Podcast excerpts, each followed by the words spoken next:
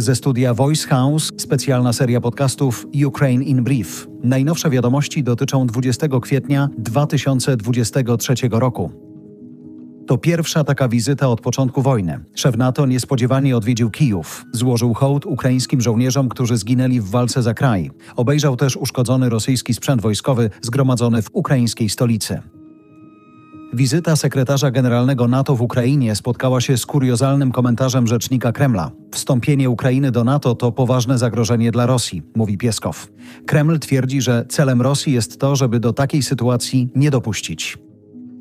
Dania i Holandia dostarczą Ukrainie czołgi Leopard. Maszyny mają tam dotrzeć na początku przyszłego roku, podaje Politico. Czołgi Leopard przekazały lub przekażą Ukrainie też inne państwa NATO: Niemcy, Polska, Hiszpania, Kanada i Portugalia.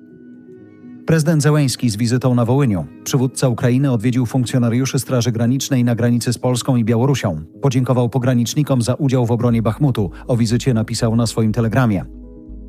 Węgry rozszerzają zakaz importu towarów z Ukrainy. Ograniczenia dotyczą teraz nie tylko zboża, ale też miodu i niektórych produktów mięsnych, podaje agencja Reutera. Podobne decyzje podjęły Polska, Słowacja i Bułgaria.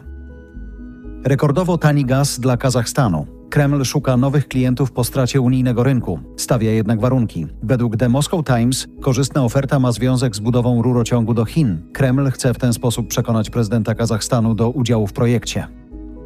Nowa kampania reklamowa rosyjskiej armii. Według twórców reklamy ten, kto wstępuje w szeregi armii, jest prawdziwym mężczyzną. Kreml chce zachęcić do służby kontraktowej, co oznacza udział w działaniach wojennych na Ukrainie.